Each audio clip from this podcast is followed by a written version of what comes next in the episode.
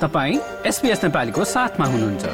अरू रोचक सामग्रीहरूका लागि SBS dot com dot slash Nepali जानुहोस्। विश्वकप फुटबल सकियो भनेर बसेका टास्मेनियावासीहरूका लागि विश्वकप जनवरी चारदेखि फेरि शुरू भएको छ। Hobart social football world cup दुई हजार तेइसको समूह चरणको पहिलो खेलमा क्रोएसिया विरूद्ध नेपाली टोलीले शानदार जित दर्ता गराइसकेको छ। यो खेलका बारेमा नेपाली टोलीका एक प्रतिनिधि आशिष तिवारीसँग हामीले यो विश्वकप बारे कुराकानी गरेका छौं। अब सोही कुराकानी सुन्नतर्फ लागौं। मेरो पुरा नाम आशिष तिवारी। मार्फा फुटबल क्लबको प्रायोजक छु जुन क्लबले अहिले नेपालको नेतृत्व गरेर होबार्ट सोसियल वर्ल्ड कपमा प्रतिस्पर्धा गरिरहेको छ। सुरु त अब यो टुर्नामेन्ट के हो भनेरै गरौँ। के हो यो खास होबार्ट सोसियल वर्ल्ड कप भनेको?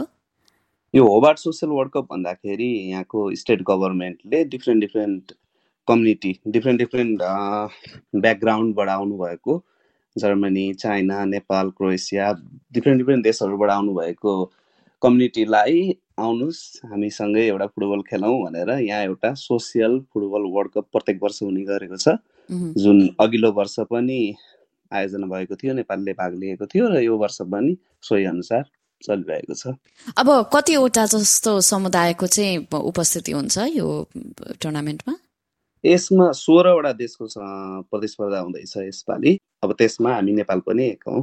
आशिषी अब टुर्नामेन्ट सुरु कहिलेदेखि भएको हो? कसरी भयो सुरुवात भन्ने बारेमा पनि बताइदिनुहोस् न। हजुर यो जनवरी चार बुधबारदेखि सुरु भएको सोसल वर्ल्ड कप हो। यो यो पहिलो गेममा खेलको पूर्व सन्ध्यामा मार्फा फुटबल क्लबका अध्यक्ष एवं होबार्ट सोसियल वर्ल्ड कपका नेपालका प्रमुख प्रवीण पौडेलको अध्यक्षतामा कार्यक्रम आयोजना गरिएको थियो।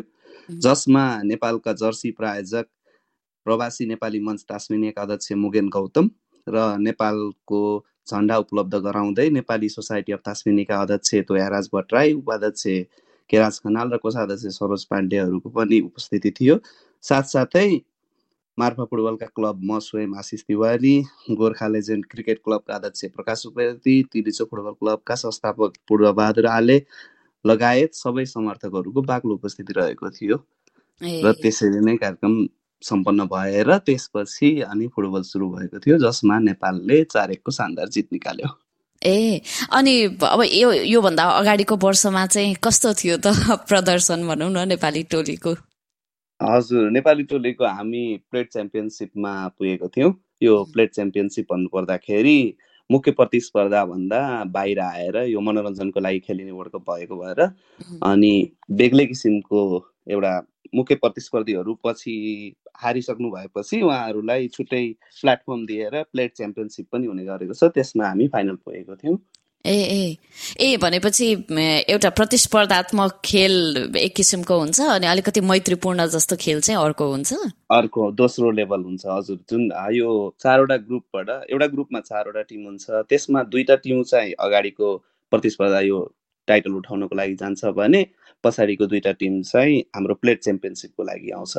ए अनि अब यो जुन यो टिममा सेलेक्ट हुने चाहिँ अब नेपाली समुदायबाट तपाईँहरूले कुन प्रक्रियाबाट कसरी गर्नुभएको थियो? हामीले उहाँबाट पाएपछि हामीले इओआई e निकालेको थियौँ।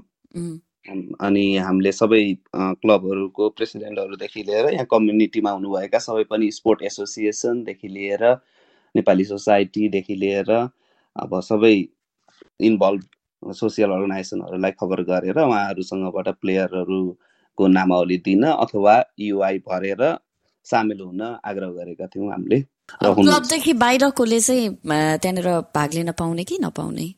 पाउने।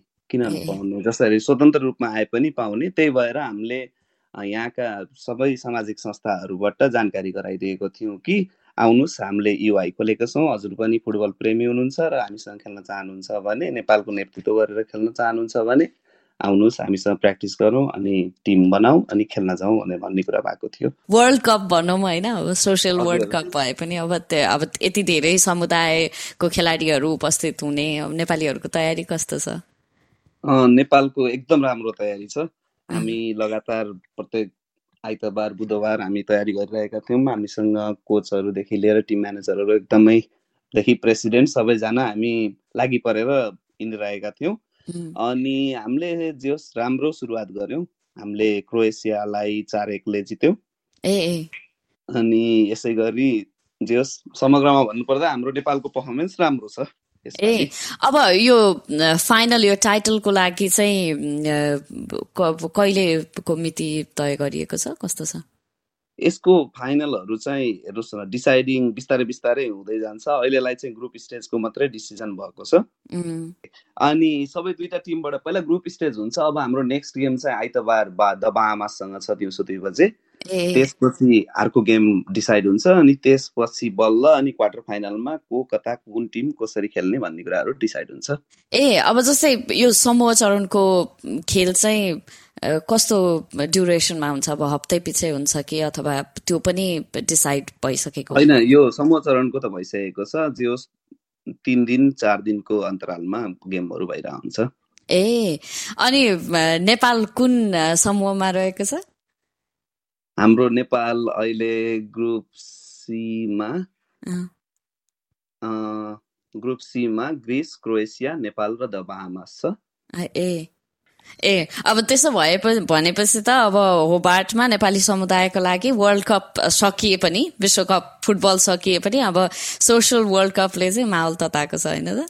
एकदमै एकदमै तताएको छ एकदमै रमाइलो भइरहेको छ। यहाँ थुप्रै दर्शकहरूको पनि उपस्थिति थियो। त्यसमा अझै हाम्रो प्लेयरहरूदेखि लिएर स्पोर्ट एसोसिएसनहरूदेखि लिएर हाम्रो यहाँको सोसाइटी सोसाइटी जुनमा म पनि आबद्ध छु। म यता मार्फाको प्रायोजक मात्रै भन्दा नि उताबाट पनि त्यसरी सबैजनाहरूको उपस्थिति भएर राम्रो सपोर्टमा राम्रो गेम भयो रमाइलो भइरहेको यो जस्तै अन्य प्रस्तुति सुन्न चाहनुहुन्छ?